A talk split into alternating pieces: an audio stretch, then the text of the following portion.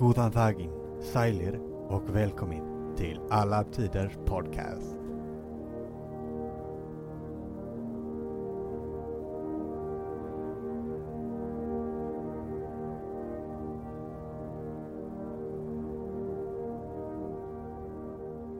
Hej, jag heter Sebastian Bernhard. Jag heter Karl-Magnus Juliusson. Ja, och idag ska vi snacka snorre. Ja, det ska vi göra. Ja, det är islandsfest med islandshäst här på ringen. Det är det. Va, men vad, vad snajdigt det där introt var. Ja, tack. Mm. Jag försökte komponera en eh, isländsk hälsning. Jag hörde god dag. Mm, det är sant. Godan dagen. Ja, det måste ju vara god dag. Ja, det betyder god dag. Och sailir betyder typ ha det bra. Ja, gött. Något sånt. Inte exakt det. Men... Ja, jag behöver inte erkänna mina svagheter.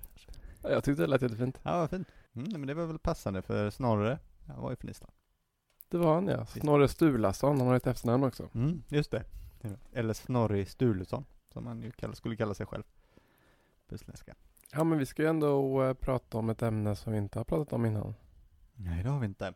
Nej. Fornnorden. Ja, men precis. Och eh, vi befinner oss på 1200-talet. Det gör vi. Faktiskt. Men eh, kommer handla en del om hur det var innan. Ja, precis. Snorre är ju känd för uh, myternas man. Ja, men precis. Och det vi kan om asatron. Ja, precis. Vik inte vikingar tänkte jag säga, men Oden och Tor och eh, gänget. Ja, precis. Ja, de är ju förknippade med vikingar. Mm. Även om det kanske är lite orättvist. De har ju en historia längre än vikingatiden. Men Snorre, Snorre, Snorre. Vad ska vi säga om honom? Han har väl, eh, han förblivit lite av en doldis, kanske. Han är ju inte så känd som person riktigt. Om man Nej, jämför med andra medeltida författare. Hans namn är ju känt, men inte så mycket han, vem han är. Nej, man kanske inte riktigt får upp en bild i huvudet av hur Snorre ser ut heller. Nej, inte alls. Eh, Men eh, det är ju kanske lite konstigt på vissa sätt, för ändå är hans kulturella påverkan väldigt stor. Det är nästan enorm skulle jag säga. Eh, Vi är ju ganska vana vid att den fornnordiska mytologin är bekant. Alltså att vi känner till namnen, som du sa, orden och Tor. Och lite några sagor här och var. Och den är finns ju med överallt den här mytologin. Inte minst med alla Marvel-filmer. Ja, men precis. Det finns ju någon som heter Thor, va? Ja, exakt. Den handlar ju om Tor. Och är ju, alltså den är ju någon sorts omskrivning av nordiska mytologin i science fiction kostym.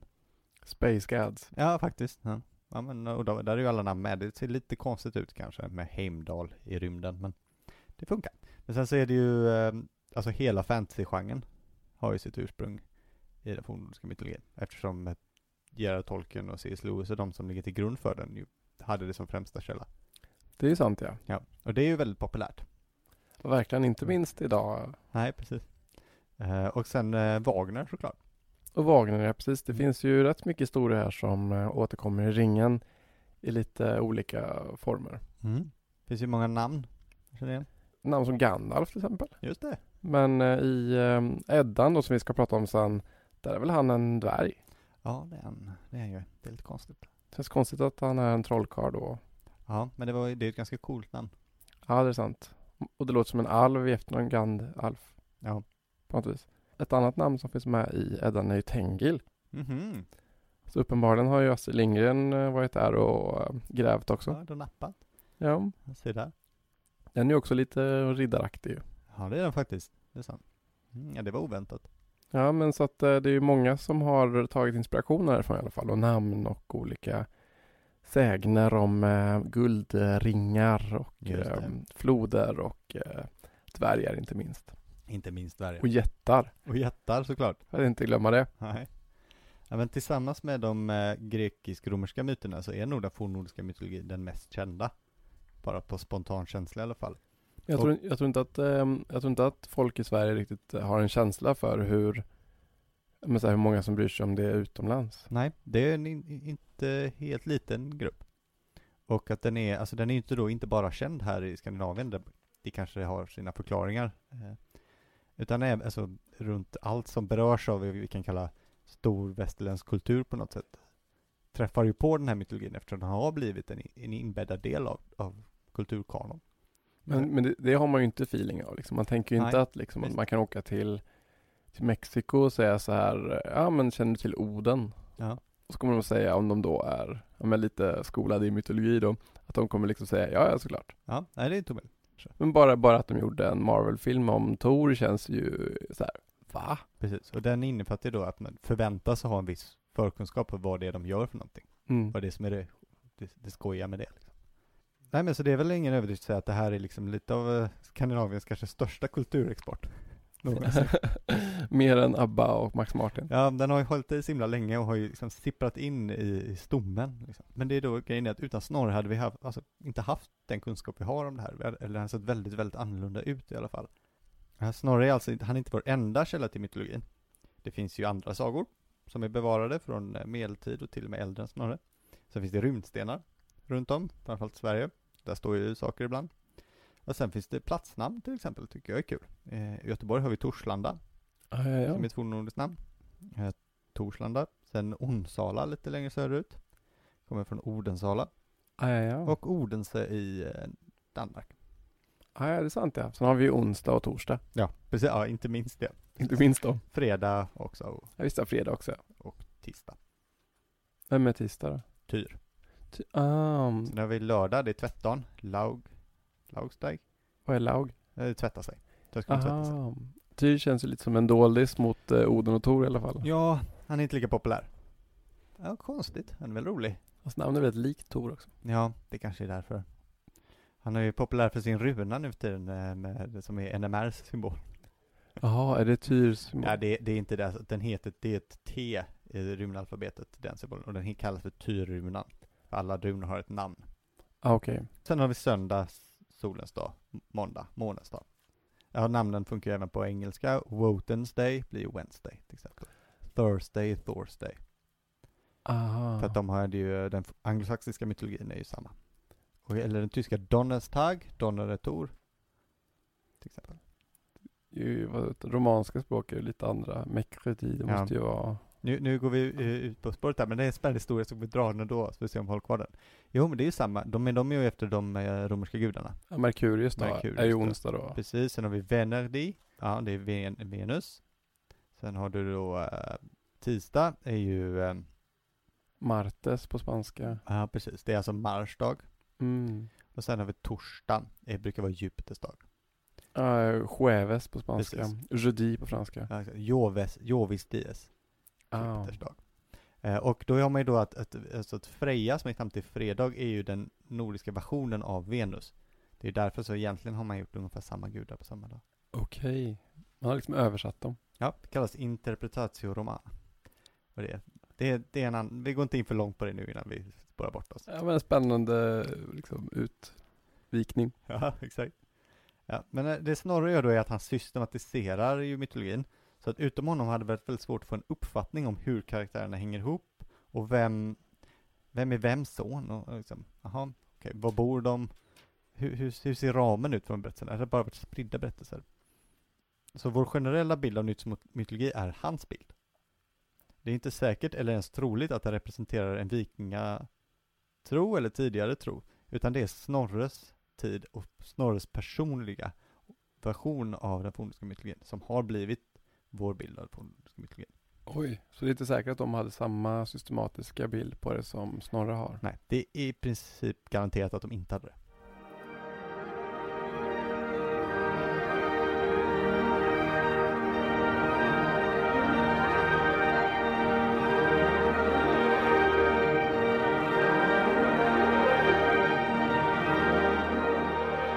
Ja, Snorre, ska vi prata lite liv? Mm. lite biografi. Han föddes år 1179, som sagt på Island, i, till en av öns mäktigaste familjer. De hette Sturlungarna. Hans pappa hette Sturla Thordarson, men han kallades för Kvamsturla. Jag vet inte vad det betyder, men det står alltid det. Och han var själv, eh, han var själv faktiskt en ganska intressant karaktär. Han är en av huvudpersonerna i Sturlingasagan, så det finns en, en isländsk saga om den här familjen. Han höll på som islänningar gjorde helt enkelt på den tiden och fejdades i olika vendettor. Det var ju det, det är det sagorna handlar om och det var det de gör. Man hamnar i bråk med en annan familj. Och bland annat stred han med en man som hette Jon Loptsson. Och de höll på ett tag tills de nådde en uppgörelse vid Alltinget. Alltinget är Islands parlament och domstol ungefär på den här tiden. Så det fungerar som både och. Och det innefattade då bland annat att Jon, Jon Loptsson skulle uppfostra Stulas son Snorre. Så han skickades över dit som eh, kanske någon form av eh, gisslan slash eh, eh, uppfostringsprotégé. Som en internatskola typ liksom. Ja, precis. Eh, Jon Loptsson är själv intressant. Han var präst. Så det kanske är också därför han fick uppdraget att eh, uppfostra Snorre.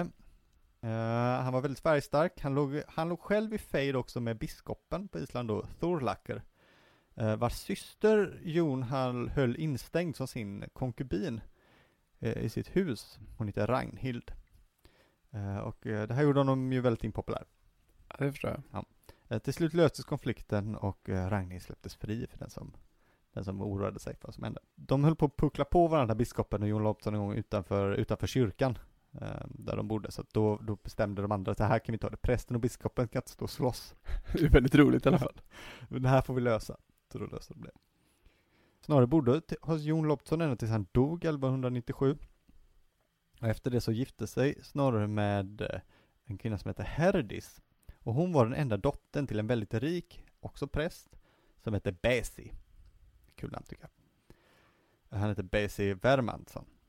Ungefär. Och eh, då fick han ta över den, dennes gård som hette Borg, som tidigare hade ägts av en viss Egil Skattlagrimsson, som är känd från Egil Skattlagrimssons saga. Ja, den känner man ju kanske till. Så det har en koppling där. Finns det inte vissa som tror att Snorre har skrivit den också? Det gör det. Men det är inte, det är inte mm, bestämt. Det är inte garanterat. Nej. Vi kan, ta, vi kan se, vi kanske dyker upp igen. Eh, Snorre och Herdis kom aldrig överens, tyvärr. De var inga, var inget kärleksfullt förhållande. Eh, trots alla, alla gårdar. Och 1206 flyttade Snorre iväg till en annan gård som heter Reikholt. Eh, och det här blev se hans liksom, hem och fästning. Så det är där han bor. Snorre och Reykholt, de är sammankopplade. Den stora frågan som hemsökte Island på den här tiden var relationen till Norge. Island hade först upptäckts faktiskt av en svensk som hette Garvar. Men bosattes av norrmän på 800-talet framförallt. Eh, Många av dessa ville undkomma det framväxande norska riket som bildades under den här tiden. Man brukar säga att det var Harald Hå- Hårfager som började det här, mycket på grund av Snorre. Eh, Man vet inte riktigt, men det som händer är att det sker någon form av, eh, riksbildning eh, där de små mindre kungarna och fristående böndernas makt försvinner mer och mer. Och de som tyckte illa om det här, många av dem drog till Island istället. Det är som att folk eh, stack från England till USA istället. Ja, inte så dum jämförelse. Eh, ja, Island blev alltså en slags republik, där man hade sambestämning vid alltinget. Då för fria, fria bönder, helt enkelt. Eh, men banden till Norge förblev starka. De flesta hade fortfarande familjeband till Norge och det var till Norge man åkte. Island hade heller ingen egentlig skog heller. Det fanns lite björkar där när man kom, men de högg man ner snabbt. Så man måste hela tiden bege sig till Norge för att hämta trä framförallt. Och det mesta varor. Eh, På 1200-talet fanns det många som arbetade för att Island skulle bli en del av det norska riket. Alltså skulle integreras totalt under Norge och, och lyda under Norge. Och däribland var Snorre Sturluson. Aha, så han, han tyckte de skulle vara under Norge, Ja, precis. inte självständiga. Nej, exakt. Eh, Så man kan säga att landet är uppdelat i två falanger. Pro eller mot Norge liksom. Och eh, Snorre, han blev snabbt en av de mäktigaste männen på hela ön. Eh, Det kan man se för att han eh, 1215 blev lagman, som det heter vid Alltinget. Och det här är en unik position. Det innebär att eh, med hans jobb att memorisera hela lagen.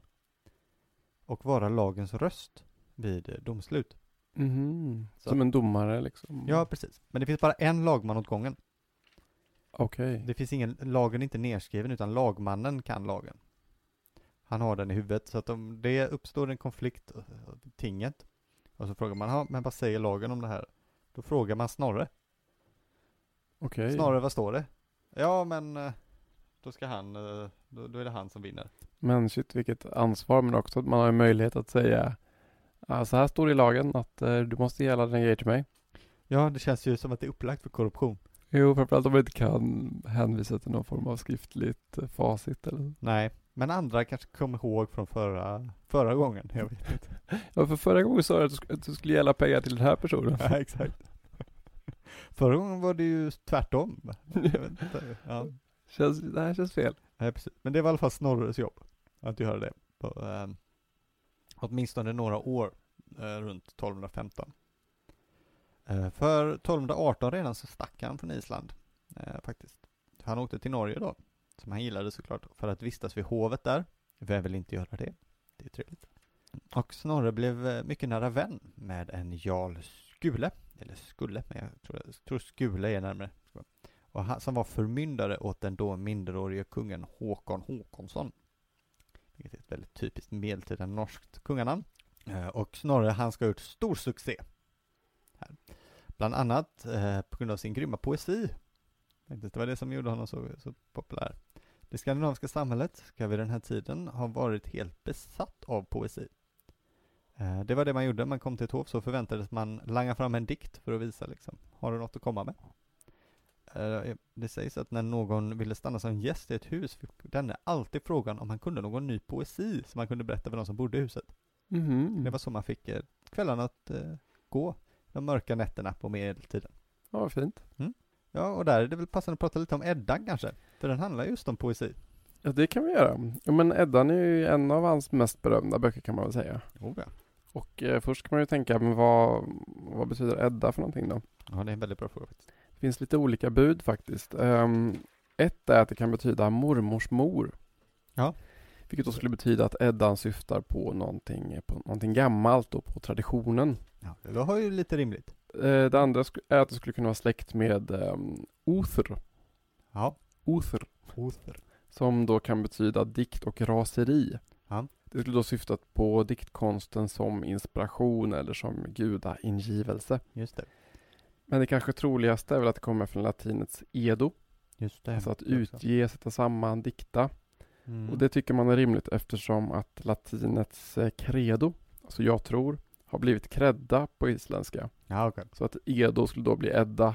Det finns ju också en som jag tyckte var kul. är ju att ehm, det var så att isländska manuskript ofta uppkallades efter fåglar. Mhm. Och eh, i så fall så finns det de som tror att uh, Edda kan komma från eider. Som alltså är eider på isländska. Och betyder då i så fall den lilla eiden. Jaha. Vet man, eller varför skulle den heta det då? Nej, men- nej men det är i så fall, man vet att den heter Edda och så har man andra manuskript som man vet är döpta efter fåglar. Så Ah, man svanen och blåmesen. Ja, precis. Så då har man gjort en sån baktolkning från den möjligheten. Ah, shit. Det finns många bud här då, men det är ingen som vet. Nej. Men eh, alltså antingen har han hittat på det själv eller så var det en del av den, liksom, det intellektuella gäng som han hängde i. Det är en sak som jag tänker vi ska påpeka innan vi går fram, är att det finns två verk som kallas Edda. Ja, just det. Det är bra att eh, reda ut också. Ja.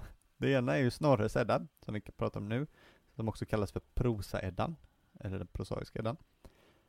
Och den andra är den äldre Eddan, eller den poetiska Eddan. Eh, Det är lite missvisande, för ganska mycket av Snorres Edda är ju också poesi, och handlar ju om poesi. Ja, han citerar ju väldigt mycket den, Ja. den gamla Eddan i den nya Eddan. Ja, exakt. Eh, och det här är då ehm, den poetiska Eddan, eller den äldre, som oftast kallas.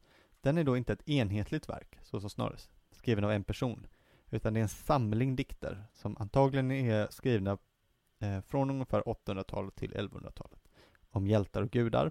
Och sen är de ihopsatta av en person som har skrivit ner dem på 1200-talet någon. Eh, och det är bara Snorres Edda som bär titeln Edda. Aha. Så den andra Eddan, den kallas så därför att den liknar Snorres Edda. Så, ja, så det namnet där kommer efteråt, efter den nya Eddan? Precis, den upptäcktes, tror jag, någon gång i Kungliga biblioteket i Köpenhamn. Kallas för Codex Regius. Eh, senare på 1500-talet. Och då tyckte man, oj, men det här ser ut som Snorre. Det, det måste vi kalla den också för Eddan. Shit. Det säger ju någonting också om, om hur stor och viktig Snorres Edda var. Ja, nej, visst. Att eh, någonting som påminner om den får hans namn någonstans. Ja. Men ja, men vad är den här Eddan då? Den nya Eddan då, alltså Snorres Edda? Jo, eh, det finns ett citat då från eh, del två av Eddan, den som heter Skaldskaparmal. Mm. Det skriver han så här nu. Eh, Men det skall nu sägas till unga skalder som vill lära sig skaldskapens språk och utöka sitt ordförråd med gamla benämningar eller längtar efter att förstå det som är dunkelt diktat. Denna bok ska läsas till lärdom och nöje. Men man får inte glömma eller ifrågasätta berättelserna genom att rensa bort gamla känningar ur skaldskapen, som de stora skaldarna fann glädje i. Mhm. Ja, vad betyder det då? Jo, men alltså Eddan är liksom en text till för att minnas en skaldekonst som hade sin höjdpunkt på 900-talet och sedan lite sakta men säkert föll ur modet. Och eh, ja, men jag tycker det känns lite som en, nästan som en historisk avhandling. Alltså den först, det första litteraturvetenskapliga arbetet. Ja, det kan vi ha tagga. Han är ju bra ju. Ja. Det låter bra. Men ehm, alltså vissa tror att den kom till i omvänd ordning. Alltså den började med de här versavsnitten då, alltså hattatal eller verslistan och, eh, och därefter kom de här hur Gylfe blev lurad och de här nordiska berättelserna om Tor och Oden och de olika fornnordiska gudarna. Mm. Ja, men jag tycker ändå att det känns som att allt är ihop rätt bra av den. Liksom. Jag vet inte om man måste se det på det viset. Liksom, Nej, det är väl inte nödvändigt. Bara för att han har, det är ett ganska pedagogiskt upplägg kan jag ändå tycka. Mm. Att, att börja med de roliga berättelserna. Den börjar ju också med en skapelse, berättelse, efter prologen och sådär. Ja, men Det är lite precis. pedagogiskt. Verkligen. Alltså, Men kanske kan man liksom jämföra det med att han försöker teckna ner en, liksom en poetisk tradition som håller på att glömmas bort. Lite som att det har liksom funnits andra vurmer under, ja, under historiens gång för poetiska traditioner som försvunnit liksom som, eh, och som har ett romantiskt skimmer över sig som den höviska occitanska poesin eller eh, mästersångartraditionen. Som ju inte är så jätteberömd kanske idag men som Wagner ju har gestaltat i Mästersångarna i Nürnberg. Det. Det är en väldigt speciell poetisk tradition hur man ska liksom improvisera eh, improvisera någon slags sångpoesi som ska vara helt metriskt korrekt och ha rätt eh, tema och sådär. Väldigt komplicerad tävling. Liksom. Ja. Nej men det, jag tror det, jag tror du kan ha lite rätt. Alltså det, det är inte så att den poesin är försvunnen. Den är absolut på väg bort. Den är inte det hetaste nya längre. Nej, precis. Alltså Snorre kan ju framföra den vid hov och sådär och få uppskattning för den. Men det som kommer in nu är ju riddarberättelser. Som importeras från Frankrikena framförallt. Um, och det är ju, alltså det är ju då antingen om Karl den stores riddare, som Rolandsson, eller Ar- Arthur-legender och riddarna runt runda bordet. Så det är det som blir riktigt poppis. Ja, de är fortfarande poppis idag. Så man Ja, förstår, precis. det är en hård konkurrent. Ja, det är det. Och de är skrivna på rim. Och på en ett importerat ko- ehm, kolonialt, eller på att säga, kontinentalt eh, versmått. Som ju snarare, han, han står ju här för det gamla versmåttet. Men man får i alla fall, man kan ju ändå dra den slutsatsen, tänker jag, att det finns ett behov av att skriva ner den här. Jo, absolut, det är det. Att, eh, för annars skulle man ju inte skriva någonting om det inte fanns, fanns en mening med att teckna ner någonting. Nej, nej, nej. Det kan man ju alltid tänka på. Och eh, anledningen då till att eh, Snorre anser att den här boken behövs då, ehm, tänker jag, det är för att den fornnordiska poesin är rätt komplicerad och rätt svårförståelig. Ja, den är, den är faktiskt jätte, jättesvår att förstå. Han använder ordet dunkeldiktat och Mm, sagt. skriver Snorre och det är ja, men, ganska träffande liksom. Ja. Och ehm, den här poesin är också väldigt, väldigt nära förknippad med deras mytologi. Som ju efter då Islands kristnande då kanske inte längre hade samma status Nej, det är ju så. Och, eh, och utan den så blir det väldigt svårt att fatta de här dikterna. För de här dikterna är, är kan man säga med moderna mått mätt, alltså väldigt litterära. Så de bygger ju på att man egentligen aldrig skriver alltså bara hur det är. Man ska alltid använda andra ord, omskrivningar, synonymer, olika sätt att benämna samma person eller samma sak i liksom en eh, otroligt rik form. Och det är det som gör dem så svåra. Alltså man måste veta vad allt betyder och vad det syftar till. Så är det. Och därför är Eddan också lite som ett uppslagsverk av namn. För att eh, de här namnen har man kanske inte koll på.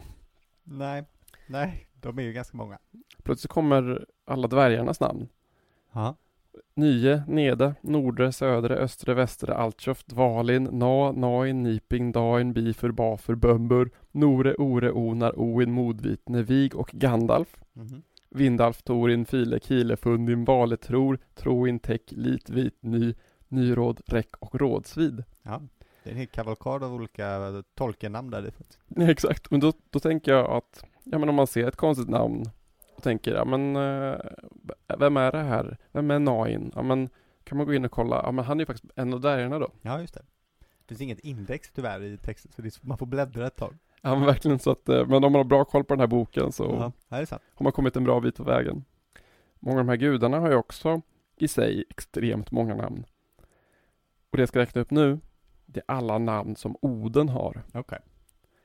Hänggud, Haptagud, Farmagud, Grim, Ganglare, Harjan, Hjälmbäre, Täck, Tredje, Tunn, Unn, Helblinde, Hög, Sann, Svipal, Sangitall, Herteit, Nikar, bilägg, bålägg, bölverk, fjölne, grimne, glappsvid, fjölsvid, sidhött, sidskägg, sigfader, nikud, allfader, attride, farmatyr, oske, ome, jämnhög, blinde, göndle, harbard, svidur, svidre, jalk, kjalar, vidur, tror, ygg, tund, vak, skilfing, vafud, roptatyr, gaut och veratyr. Ah, shit. Och det är bara Oden och kommer från olika berättelser och olika egenskaper då som man då tycker att han har. Just det. Förutom det här går också Eddan igenom den fornnordiska poesins sätt att skriva. Och det är då alltså allitterationer, inrim, slutrim och versfötter. Mm. Men det viktigaste och kanske mest typiska sättet att skriva på är det som kallas kenning. Just det. Och kenning betyder alltså kännetecken, kan man säga. Och eh, ska bestå av minst två led. Ett, ett exempel på det är till exempel eh, månens väg. Är till exempel en kenning för himlen. Ja, det var ju fint. Förutom det finns det också något som heter vidkenning som är släkt eller ägandeförhållande. Och det är då till exempel Sivs make, som är Tor, Mm. eller Frejs sängvän och så vidare. Just det. De här checkar också att kombinera med allitterationer. För har man då ett tillfälle när kanske inte Tor allittererar, men Siv gör det, så kan man skriva Sivs smak istället. Ja, det är väldigt smart. Och väldigt typiskt då för den typen av poesi då, där liksom allitterationen då är väldigt, väldigt viktig. Och, ehm, och så finns det något som heter sannkenning också. Och det är alltså ett tvådelat uttryck som uttrycker något sant. Ja. Som att ett äh, sår är plågande, eftersom det är det. Eller att någon är stark, om man är känd för att vara stark, till exempel. Ja, det är bra. Men de fornnordiska dikterna är alltså fulla av det här som kallas kenningar. Och ehm, utan Snorres förklaringar är det många dikter som kanske man inte hade förstått. Man kan ta, ta till exempel den här dikten då. Ehm, Vindens hästs snabbe tagare lägger under sig tredjes barrhåriga väntande kvinna med svärdets sanningsord. Ja, det var lite komplicerat. Det är lite dunkelt. Och eh, vindens häst, ja men det är ju skepp. Ja, ja okej. Snabbe tagare är krigare. Mhm, mhm. Väntande kvinna är alltså jord eller land. Ja, Och svärdens sanningsord är alltså striden. Okej. Så på ren svenska så blir det alltså skeppets krigare lägger under sig tredjes, tredje ett namn antar jag, Mm. tredjes barrskogiga land genom strid. Okej. Ja, ja. Istället för vindens hästs snabbetagare lägger under sig tredjes barrhåriga väntande kvinna med svärdens sanningsord. Ja, vilken grej. Ja.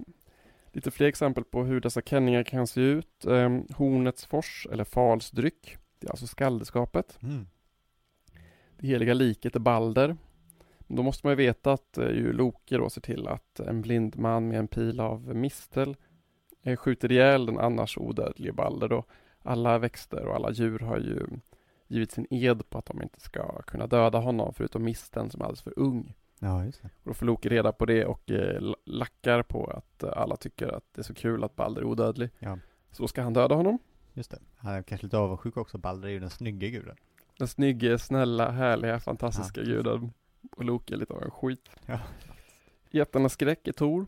Mm. Järnleken är strid. Guld är Hellens glöd, Fenjas arbete, Fafners mittgård, Glases glödbar, Granes vackra börda, Traupners dyrbara svett, Gravvitnes dun, även Stivs hårfäste, Utters sorgeld, Mardöls tårar, Oruns eld, Ides skinande tal, Rens röda malm, Niflungernas osämja, Stridgivaren och Tjatjes tingsbud. Mycket Wagner i den. eh, Mycket. Ja, framförallt där hade ju, vad heter det, Nibelungarna och eh, även Fafner va? Orens röda malm. Ja, just det. Resor. Men där snackar jag alltså alla dessa fraser syftar till guld. Ja. Och de här är ju ganska svåra att fatta. Då måste man verkligen veta vad de här heter Ja, måste man. och vilka myter de eh, syftar till och sådär. Eh, himlen är den tvehövdare, den klarskyade, stormmimer, andlång, ljusfare, den drivande, mångvätaren. Det syftar väl på regn antar jag. Ja. Vidfamnaren, vintermimer, blixtraren, höljan och den vidblå.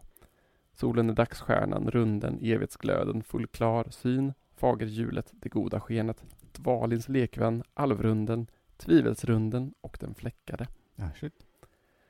Så att eh, det är inte alltid så himla lätt att fatta de här omskrivningarna om man inte har ja, men benkoll på vad de syftar till. Nej, verkligen inte. För det är liksom en, det är en avancerad poesi får man ju säga. Och eh, min favorittråp Ja, Den okej. som är allra mest komplicerad. Den som kallas rävvändning. Nej, det låter, det låter coolt. Har du koll på den? Nej, kan jag inte. Där ska man alltså ställa efter varandra två ord som låter nästan likadant men som betyder varandras motsats Ah, i en kenning. okej. Så att det är rätt så, rätt så komplicerat. Ja. Eh, det exemplet jag har då som lät bra på svenska är vågornas lågor. Mm. Som då är alltså motsatserna då, alltså vågorna är vatten, lågorna är eld. Ja, Och metaforen tror jag betyder havet. okej. Så vågornas lågor, alltså de låter likadant också. Så det ska vara motsatser, de ska rimma eller låta exakt likadant. Och det ska vara en kenning för, eller metafor då för någonting. Ah, shit. Så att de, det är rätt så avancerat. Det är rätt avancerat. Ja, Men väldigt imponerande. ja faktiskt.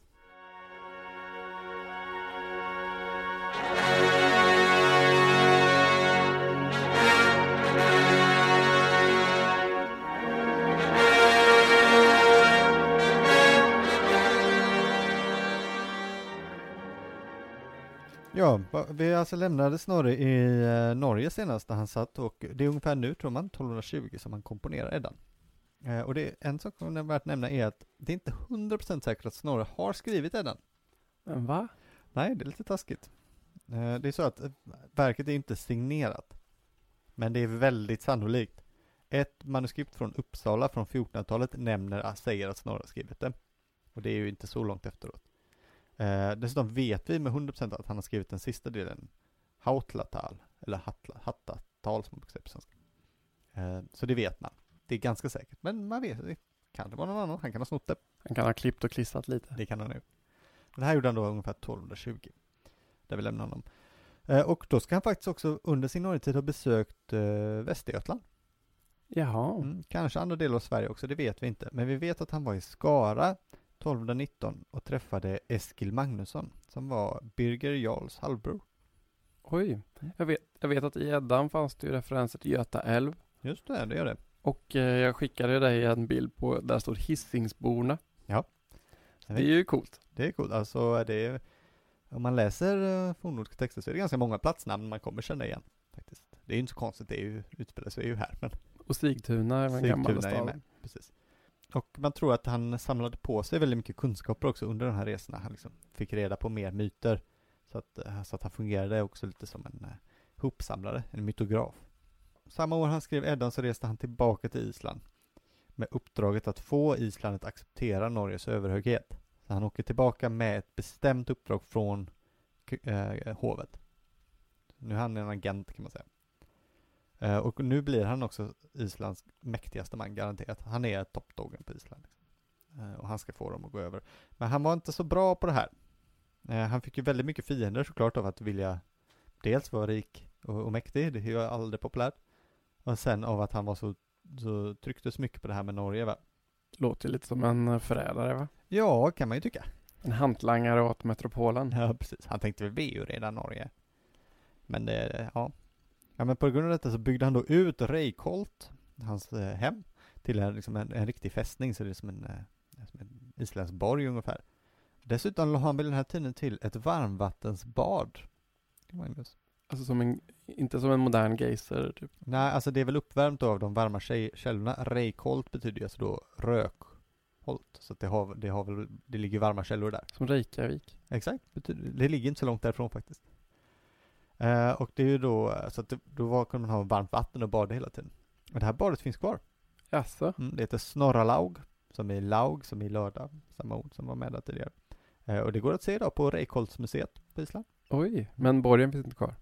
Nej, det finns en tunnel kvar som tillhörde den och eh, badet finns kvar. Du borde ju gå dit och besöka badet. Ja, man får tyvärr inte bada i det. Får man inte det? Nej, det är, bara, det är väldigt litet. Mm. Men som sagt, som alla kultiverade människor i historien så var snarare en ivrig badare. Med det måttet mätt så är du det mest kultiverade jag vet. Ja, exakt. Men du borde ju bada i en geyser Ja, det vill jag gärna göra. Jag har tyvärr inte fått åka till Island än. och känna dig som en riktig snorre. Mm. jag väntade på, jag väntade faktiskt på ett Snorre-skämt. Ja men det blir så extra roligt när det väl kom då. Ja, exakt. Trodde du skulle ta det redan i början. Så att jag höll på det. Ja, man får inte vara för het på gröten. Nej, nej så är det. Inväntade timing. Mm. Det är bra. Eh, under den här tiden gifte Snorre bort sin dotter Thordis eh, till en man som heter Gizur Thorvaldsson. Mycket TH i isländska så det blir lite svårt att säga. Men um, det här skulle visa sig vara ett stort misstag.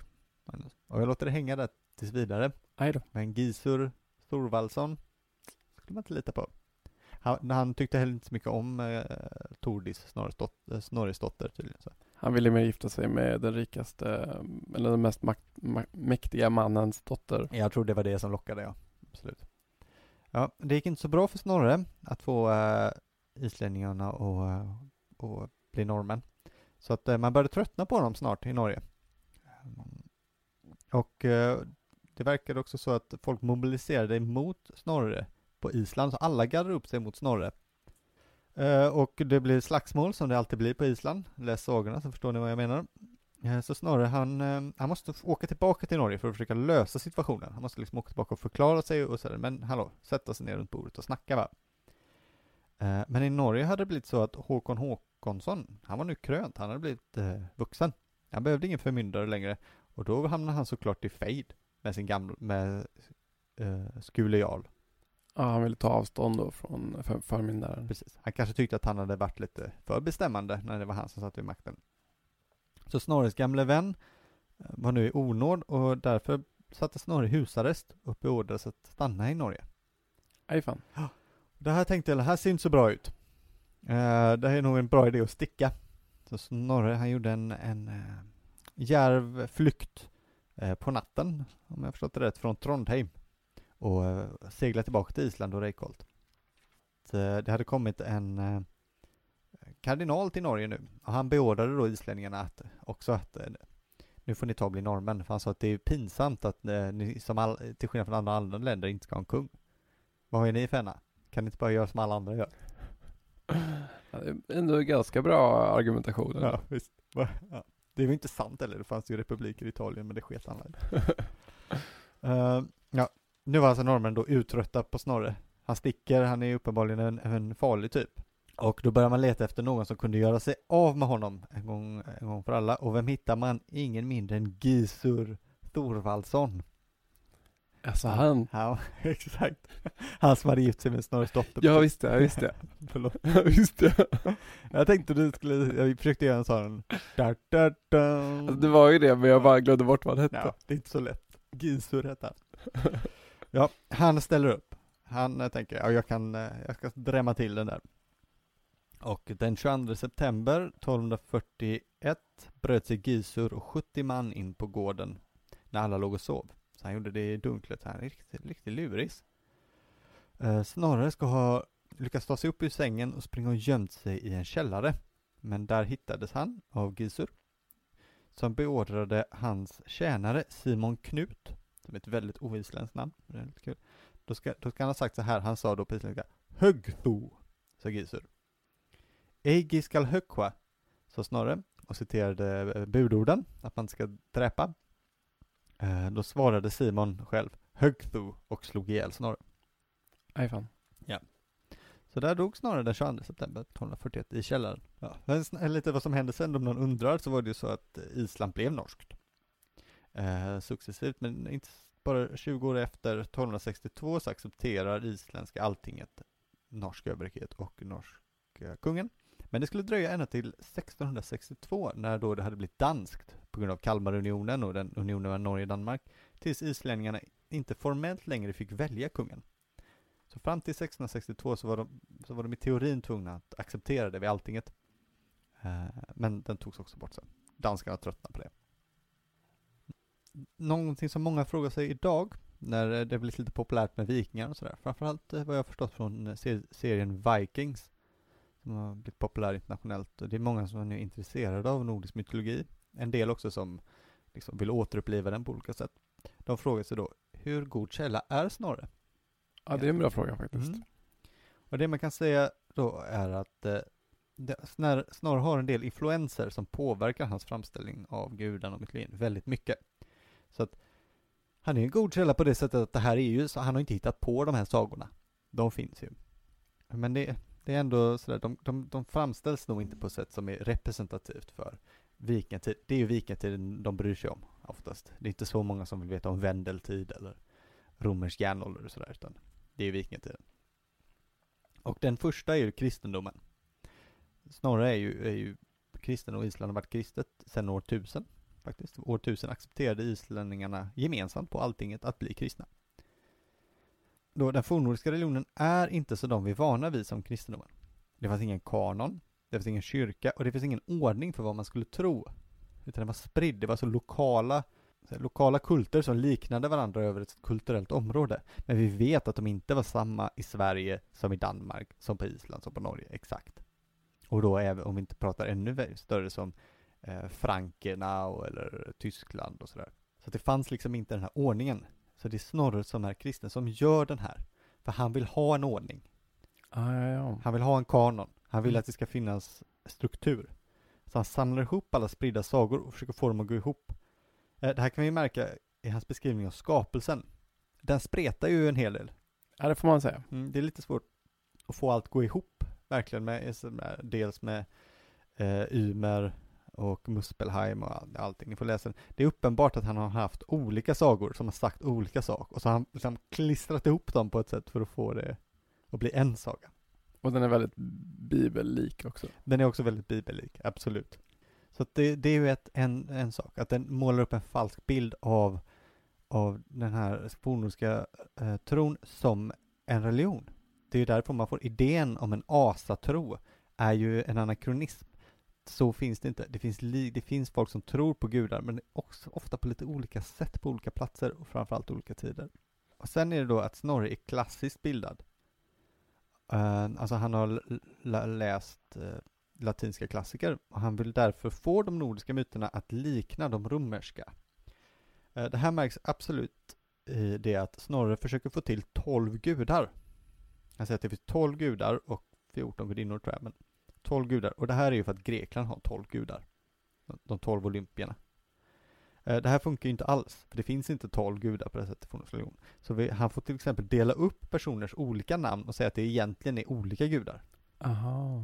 Så att det här är då någonting man får ta i beaktning om man nu är en person som försöker läsa, vill läsa Snorres Edda och tänker, ja nu ska vi se vad man tänkte på vikingatiden. Nej, du får en, en- du får en väldigt bildad man på 1200-talets eh, akademiska version Mm. av de myterna. Ja. Men Det är vad man får. Det är ju så att vår bild av, av den nordiska mytologin är medeltida. Om jag ska lägga in en personlig åsikt så är det lätt att vi exotiserar vikingatiden och separerar ut den från resten av historien. Både geografiskt, Skandinavien och som en period och gör den så konstig och speciell som den egentligen inte är. Vikingatiden, när människor liknar sina kontinentala eh, samtida mycket mer än vad man gärna gör sken av. Mm. Och även sina medeltida personer. För det fanns väl inga kyrkor och sånt där liksom, eller? Eh, asakyrkor? Nej. Nej, det kanske har funnits tempel. Man är lite osäker. De kallas hov. Exakt om de hade präster och oftast tror man att man bara hade kultplatser ute i naturen. Men man vet ju inte. Nej. Ja, vi pratar ju om de här nu som källor till asatron. Men det är lite märkligt då att eh, samtidigt så är ju det här också en enda stor diss av asatron. Ja, det är det verkligen. Också att det är, om man då ja, man vill bekänna sig till asatron så är det här en ganska dålig eh, bok att förhålla sig till. Ja, snarare skulle jag i alla fall inte tycka att man eh, gjorde rätt. Nej, och ehm, jag har kanske läst fel, men jag får intrycket att han dessutom ger två helt olika beskrivningar av hur asatron har kommit till. Okej. Den första finns i prologen och där säger han att det efter Noas flod bara fanns åtta människor. Mm. De ynglade av sig och det uppstod en massa ätter. Några av dessa brydde sig bara om pengar och eh, ja, njutning och vägrade lyda Gud och den kristna religionen glömdes bort. Ja, eller den för- förkristna.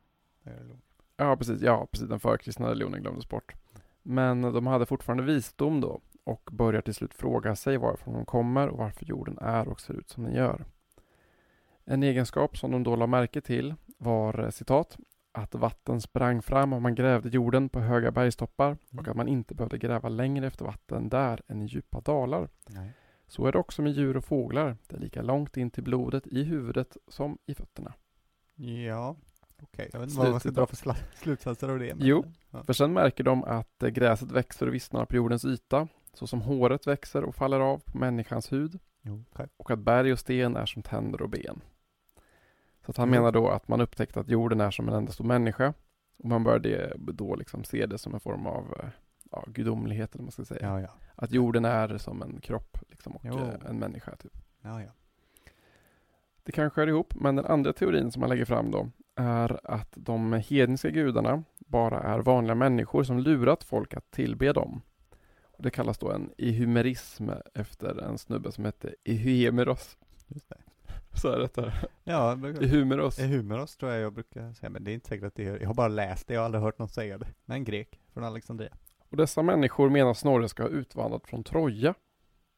Om man minns vårt Aeneas-avsnitt så såg ju romarna sitt ursprung från en trojan som hette Aeneas. Ja, just det. Det, själva den, det ursprunget innebar att romarna tog parti mot Odysseus och mot grekerna. Och eh, ändå en tradition som levde kvar i den latinska liksom, traditionen. Att Odysseus är lurig och opolitlig. Det var han som kom på den trojanska hästen så att Troja gick under. Det, han är lite lurig och opålitlig i och för sig. Jo, Ja. men om man, om man tycker det är bra lurig eller dålig lurig, det beror på Ja. vilken sida av, av laget man står kanske. Ja, det är sant. Snorre beskriver att det fanns en kung då som hette Munon eller Mennon som var gift med Priamos dotter.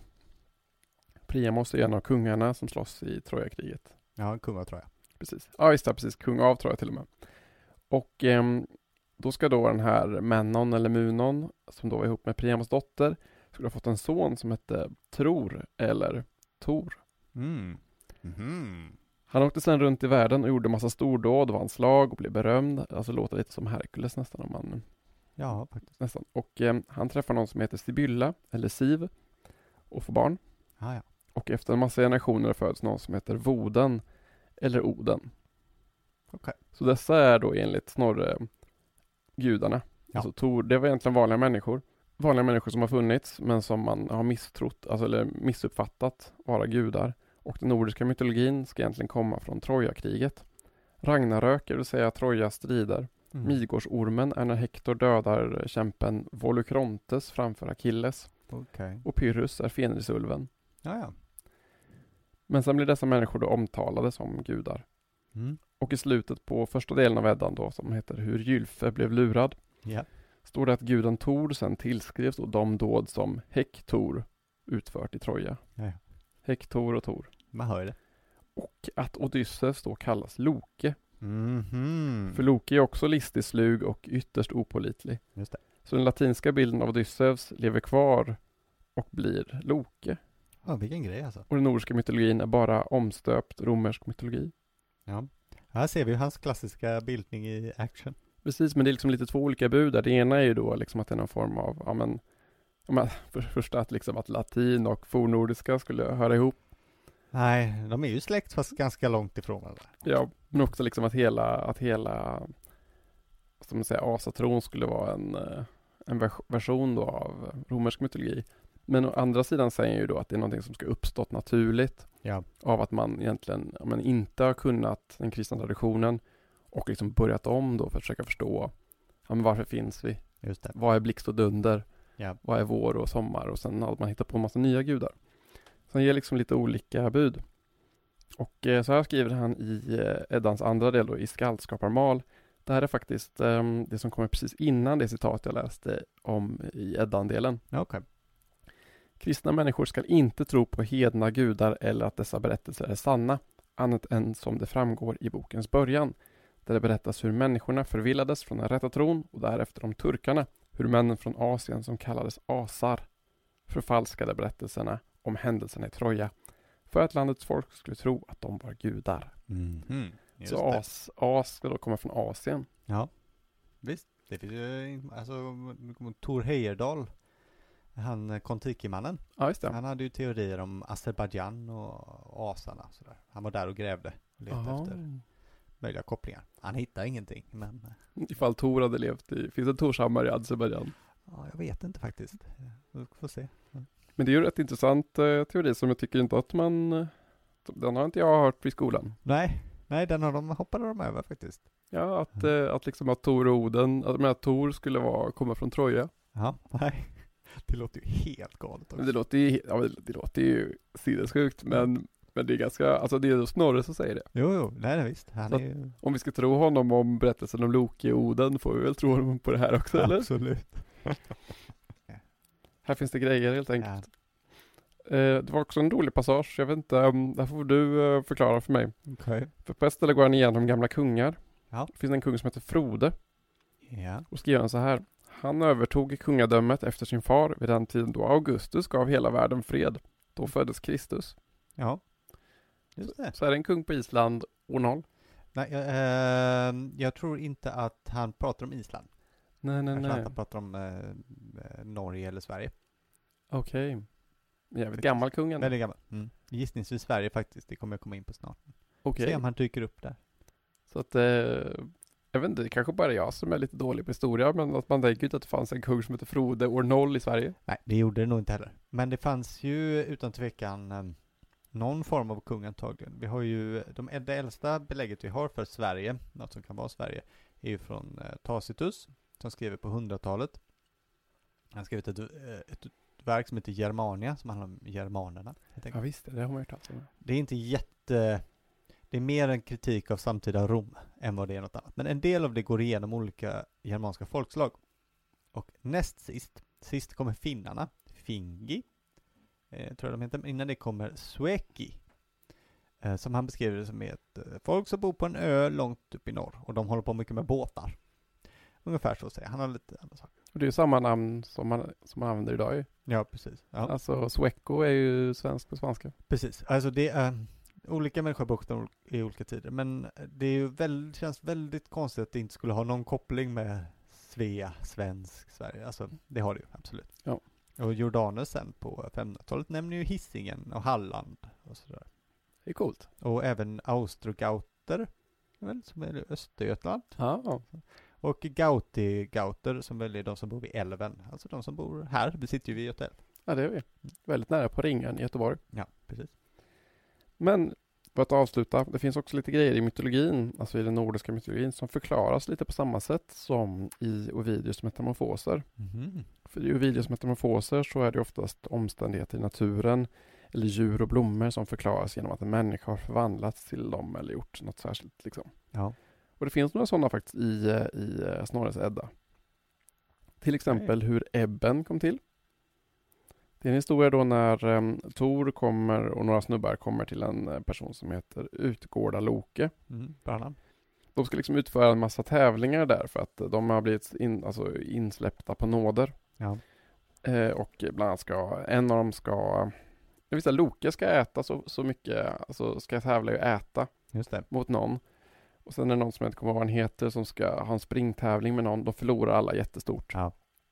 Och eh, Tors uppgift är att han ska dricka ur ett horn i så få klunkar som möjligt. Exakt. Utgårda Loke säger att de vanliga här tar den i två klunkar, liksom. Ja, kanske tre. Och eh, Tor är ju en stor drickare.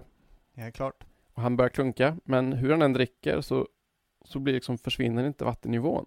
Eh, Han bara, aha, och liksom, så dricker han allt vad han kan liksom, tills, tills han inte kan andas längre. Och liksom ingenting händer i den här. Och de skrattar åt honom och sådär. Han kan liksom inte tömma det här hornet. Vilken mes. Ja, och då visade det sig att hela den här tävlingen är ju riggad Nej, ja. genom trolldom. Och eh, det här hornet är kopplat till havet. Det sjuka är att då när han dricker så ändras ytan lite. Ja, Och då, då är det havet han dricker ur. just det. Och det är ett upphov till- det som är flod och ebb idag. Ja, precis. Att Tänk på liksom- det som det är ebb och flod. Ja, då är det, då är det Tor, Tor som, eh, som hinkar. Exakt. Men en annan del också att laxen, den är Mm. smal baktill. Det är sant. Det kommer från en berättelse när de jagar Loke. Han har då förvandlat sig till en lax Bra idé. och försöker fly. Och eh, Tor får då handen om hans stjärt men halkar och tar tag där bak då på laxen. Okej. Och därför är den smal nu. Mm. Bra.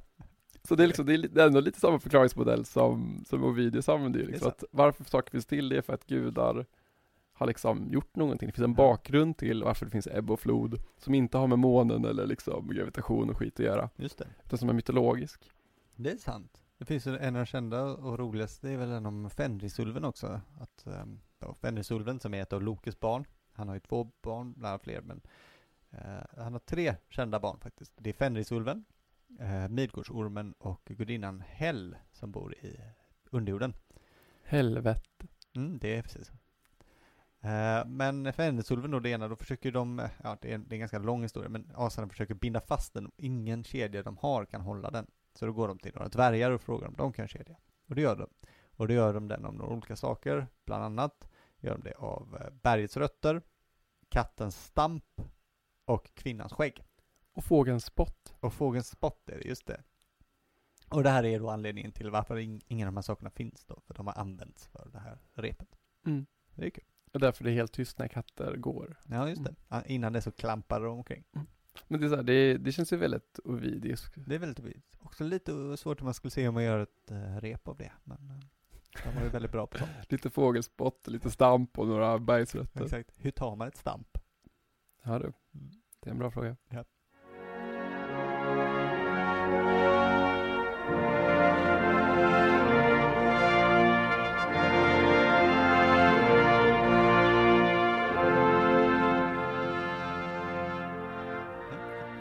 Ja, han har ju inte bara skrivit Eddan. Utan vi får, ju, vi får ju nämna hans andra verk också, även om Eddan väl är det som eh, de flesta läser kanske. Hans andra stora verk är, eh, heter Heimskringla. Det tycker jag är lite roligt. Det är från första, första raden, Kringla Heims, som betyder jordens omkrets.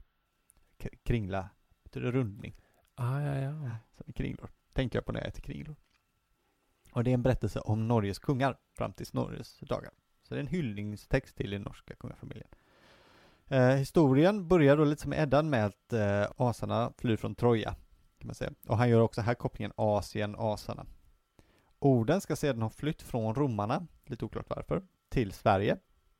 Och eh, det här är då den första delen egentligen efter prologen tar vid Ynglingasagan, som handlar om Ynglingaätten, som först är Sveriges sagokungar, och som sen flyttar till Norge. Jag tänkte jag läser Alf Henrikssons version ur eh, isländsk historia, för att det är ju, han går igenom hela Ynglingasagan då, alltså den som handlar om Sverige och de svenska kungarna, ganska kort. Vi får se. Den är rätt lång ändå, så häng med, men den är rätt rolig. Orden, han bodde först i Odense på Fyn, men sedan flyttade han till Sigtuna vid Mälaren. Han var en framstående trollkarl och dog som härskare över Svearna. Hans plats intogs då av Njord, som i sin tur efterträddes av Freyr eller Yngve, vilken byggde ett stort tempel i Gamla Uppsala. Där regerade sedan hans efterkommande länge. Fjolnir, som dessvärre drunknade i ett kar med mjöd. Sveigdir, Fjollner. Fjolnir. Sveigdir, som blev bergtagen och försvann i en stor sten. Vanlandi, som avlivades av en häxa i Finland. Vispur, som innebrändes av sina söner. Domaldi, som blotades av svearna efter år av missväxt. Domar och Dygvi, vilka märkligt nog fick dö sotdöden. Dager, som förstod fåglalåt. Agni, som blev hängd i sin egen halskedja. Alreker och Eiriker, som tävlade i ridning och slog ihjäl varandra med hästbetsel. Alfer och Yngvi, som dödade varandra av rivalitet om drottningens gunst. Huggleiker, som stupade i ett fältslag mot en vikingahövding. Gudlauger, som blev hängd i Danmark. Jorunder, som rönte samma öde. Aun alias Auni, som offrade sina egna söner för att få ett långt liv och till sist blev dibarn på nytt. Han blev alltså bebis igen. Eh, Egil, som stångades ihjäl av en tjur. Otar som stupade i Danmark och fick heta Vendelkrauki, Vendelkråka. Adil, som förde krig med styvsonen Rolf Krake och slutligen ramlade av hästen vid Dieselblotet. Eystein som innebrändes av en gyllens sjökonung, Yngvar som härjade i Estland och stupade där. Onunder som kallades Bröt-Anund för att han eh, bröt en massa mark. Ingjalder Ill- Illråde som med betänkliga medel enade Sverige. Ivar Vidfarne som regerade över halva Europa förutom Norden. Olof Trätälja som flyttade till Värmland och blotade så sparsamt att folket till sist nödgades offra honom själv åt orden. Hans son Halvdan Wittbein drog därpå till Norge och blev stamfar för den ett som sedan edade detta land. Där var han ju Halvdan. Där var han, Halvdan. Han som grundade Svenska Precis, kung Halvdan. kung Halvdan. Och sen dess så har vi den här lagomheten i Sverige och eh, man ska vara Halvdan. Precis, Helt okej, inte bättre eller sämre. så är det. Mm. Ja, det var de svenska kungarna. De, eh, ingen av dem var ju särskilt lyckade egentligen. Det här låter lite otursförföljt att vara svensk kung. Ja, faktiskt. Eh, och det här tog så länge för historia. Det är det ju inte, det hör man ju på det. Om jag fick välja kung så vill man ju helst ha han som flyttar till Värmland. ja, han blev ju sen offrad. Jaha, Han offrade så sparsamt att folket offrade honom. nej fan. Ja. Och den delen var inte så kul. Det var inte så det. Men det är hans, eh, efter det har han inte skrivit dem. Eh, ja, det är ju då om han har skrivit Egil Skallagrimssons saga. Uh, sagan finns bevarad i ett manuskript från 1240-talet. Det är bara ett manuskript. Och stilen liknar Snorres. Uh, och Snorre hade ju som sagt bott på Egils gamla gård Borg, så det är indicier. Han citerar ju den i Eddan också. Gör han det? Några ställen. Okej, okay. jag skulle säga att det talar emot, men det, ja. Man brukar inte citera sig själv så. Nej. Men man, nej, fast han kan ju citera Egil Skallagrimssons egen poesi. Det gör även sagan. Ah, okej, okay. ah, okay. så kan det vara ja. Mm. ja. För tillsammans med Njals saga så är väl Egils saga en av de, alltså det är en av de längsta och väl mest välkända isländska sagorna. Eh, Egil är rolig, han är både den tuffaste vikingen på Island och den bästa poeten. Eh, jag gillar kombinationen ungefär som Tyson Fury, eh, tungviktsmästaren och Louise Glück. I samma person. Ja, precis, samma person. Nuvarande bästa på slåss och bästa poet antar jag. Grymt. Mm. Ja, och Egil han far runt på äventyr, han slåss och diktar. Det är ungefär, den är väldigt läsvärd faktiskt. Det är också ett liv. Ska vi säga bless bless och värd sailer? Japp, det var allting om, um, om Snorre. Det var allt om Snorre. Nu ska vi uh, säga först uh, att vi har en Patreon. Så om ni tyckte det här var superbra så gå gärna in där. får man väldigt gärna göra. Ja, släng in en slant. Eller kan man eh, swisha oss. Vi ser helst priset av en stor stark, för vi brukar ju dricka öl ja. efteråt. Och eh, vi är fattiga. Ja. Så, eh, så att, eh, det har vi inte råd med. Vi äger ju tyvärr inte den här uh, geten, är det i Valhall? Uh, ja, precis, just det. Så är det en get som um, vars benar oändligt är fyllda med mjöd. Ja, det har varit skönt faktiskt. Det har varit gött. De har väl också en gris som alltid blir lever varje dag man samlar ihop benen. Särimner. Särimner, ja. Det är ett gött gäng. Ja. ja men vi har ju tyvärr inte spenarna fulla med mjöd. Nej, precis. Så swisha gärna 076 089 1982. Då säger vi fader och väder. Så ses vi nästa vecka va? Det gör vi. Ha det gott, hej då. Hej.